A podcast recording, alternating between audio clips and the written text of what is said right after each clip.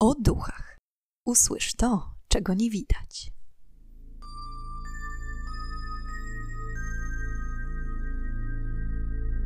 Witam i pytam, czego dusza pragnie. Strasznie miło mi gościć Was na moim kanale, jak również w przedostatnim odcinku z serii Odliczania do Halloween. Jeśli jeszcze nie słyszeliście poprzednich odcinków, to zapraszam do nadrobienia. A teraz już nie przedłużając, wysłuchajcie dzisiejszej strasznej historii. Kilka lat temu przeprowadziłam się do mieszkania z jedną sypialnią w Melbourne w Australii. Wspomina użytkownik Reddita Dix Dose. To był mój pierwszy raz, kiedy mieszkałam sama. Blok mieszkalny powstał w latach 30. XX wieku. Mieszkałam tam już kilka miesięcy, kiedy pewnego dnia wróciłam do domu z pracy i poszłam do łazienki. Kiedy zapaliłam światło, zobaczyłam coś dziwnego.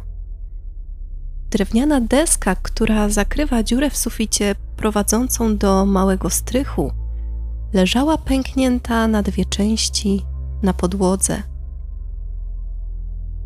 Wzięłam drewno do ręki. Deska miała kilka centymetrów grubości i złamanie jej wymagałoby umiejętności co najmniej brusali.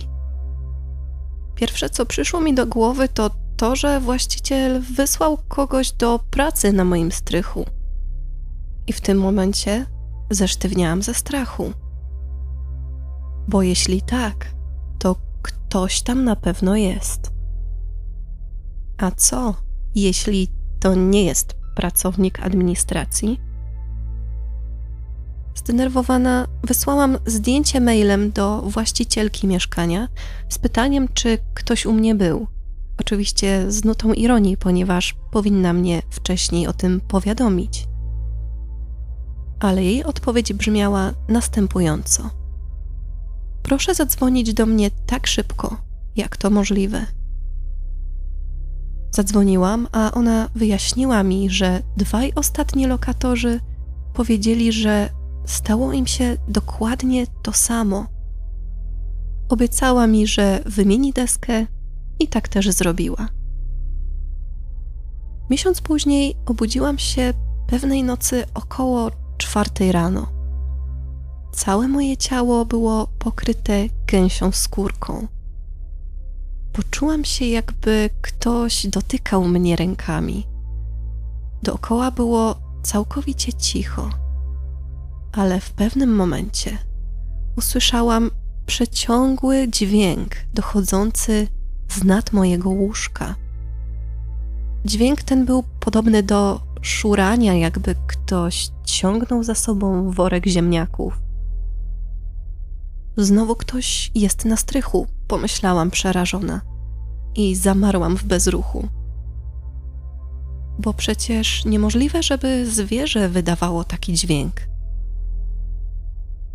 Po pięciu minutach zebrałam się na odwagę, by zapalić światło, uzbroiłam się w kij do krykieta i poszłam do łazienki. Wtedy zobaczyłam, że nowa deska zakrywająca dziurę do strychu ponownie została złamana na pół.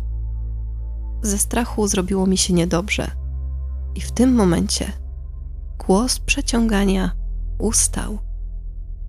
Ale w zamian za to zaczęłam słyszeć coś innego szept.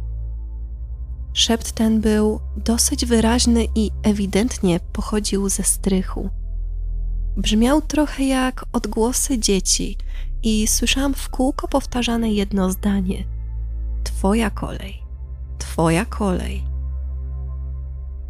Włączyłam wszystkie światła w mieszkaniu, żeby dokładnie widzieć każdy kąt. Dochodziła piąta i na zewnątrz nadal było ciemno. Próbowałam sobie wmówić, że to tylko moja wyobraźnia płata mi figle i tak naprawdę wszystko jest normalnie. Włączyłam telewizję, aby się zrelaksować ale niestety po chwili przepalił się bezpiecznik. mój kundelek Dexter, który przeważnie spał w kuchni, zwykle w nocy nie wydawał żadnych dźwięków, ale w tamtym momencie zaczął wydawać okropne dźwięki, jakby coś go dusiło. Nigdy wcześniej nie słyszałam, żeby wydawał z siebie taki odgłos. Miałam wrażenie, że jakoś na swój sposób krzyczał i prosił o pomoc. Wzięłam go na ręce, chwyciłam kluczyki do samochodu, wybiegłam z mieszkania, usiadłam zaryglowana w samochodzie i czekałam, aż wzejdzie słońce. Kiedy zobaczyłam ludzi spacerujących z psami, pocieszyło mnie to na tyle, że wróciłam już do domu. Drzwi frontowe były otwarte, mimo że byłam prawie pewna, że je zamknęłam. Ale może faktycznie zapomniałam w pośpiechu i panice ich zamknąć i dlatego były otwarte. Obeszłam mieszkanie, aby zobaczyć, czy wszystko jest w porządku, a w międzyczasie puściłam Dextera, który pobiegł w stronę łazienki. Obchodziłam pokój do pokoju, po czym usłyszałam głośne chlapnięcie. Znowu poczułam okropny ścisk w żołądku ze strachu. Wszystkie okna miałam pozamykane, więc ten dźwięk musiał pochodzić z wewnątrz. Kiedy weszłam do łazienki, zobaczyłam Dextera, który nie wiem jakim cudem, ale topił się w toalecie. Od razu go wyjęłam, umyłam i wysuszyłam. Byłam bardzo zdezorientowana. O ósmej rano zadzwoniłam do właścicielki i przedstawiłam jej mniej więcej wszystko to, co działo się poprzedniego wieczoru, nocy i poranka. Na co ona odpowiedziała mi: O, wow, ty też słyszałaś szepty. To było dla mnie nie do pomyślenia. Spędziłam w tym mieszkaniu jeszcze kolejne 18 miesięcy. Kilka razy słyszałam szepty, a dwa razy poruszyła się deska zakrywająca dziurę w suficie. Chociaż teraz mieszkam gdzie indziej, niedawno dzwoniła do mnie właścicielka. Powiedziała, że ma nowych najemców i błaga, abym porozmawiała z nimi na temat rzeczy, które dzieją się w tym dziwnym, nawiedzonym mieszkaniu. Ale ja odpowiedziałam jej krótko: Zapomnij, to teraz już nie mój problem.